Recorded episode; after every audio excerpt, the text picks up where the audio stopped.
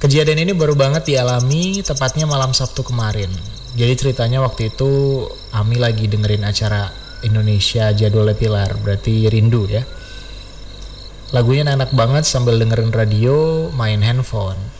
Radio sengaja di setel kenceng karena emang lagunya enak-enak banget kan. Dan hampir semua lagu favoritnya Ami. Gak kerasa udah malam pas lihat jam di handphone udah menunjukkan pukul 23.43. Ami sama sekali tidak merasa ngantuk saat itu. Keinginan untuk tidur tuh sudah pergi jauh-jauh katanya. Nggak ada sama sekali keinginan buat tidur. Ami pun tetap asik nyanyi-nyanyi sambil dengerin radio. Anak-anaknya di rumah sudah tidur, suami juga lagi main ke tempat temannya. Jadi tinggal Ami sendiri yang masih terbangun pada saat itu.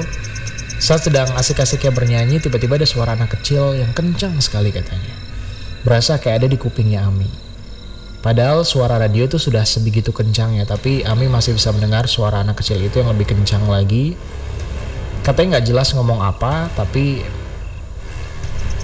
saking kencangnya suara itu sampai Ami kaget. Spontan dikecilin suara radionya dan bangkit dari tempat tidur buat ngecek keadaan sekitar.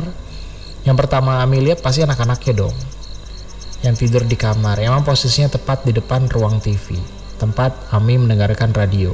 Tapi ternyata anak-anaknya pada full semua tidurnya. Emang mereka tuh terbiasa katanya tidur dengan suara musik kencang, jadi sama sekali nggak keganggu dengan suara radio. Ami sempat lihat keluar jendela, barangkali ada anak-anak di sekitar yang masih main, padahal ya nggak mungkin ya jam hampir jam 12 malam. Uh, dan ada apa ada angin besar juga kondisinya kan memang anginnya sangat besar malam itu.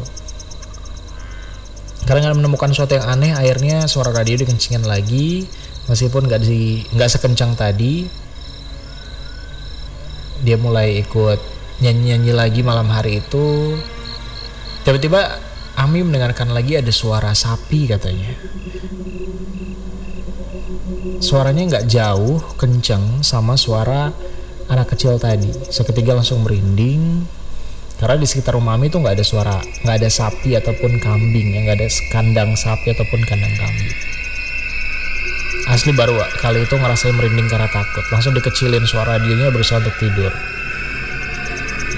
sampai saat ini masih belum tahu itu suara apa dan berasal dari mana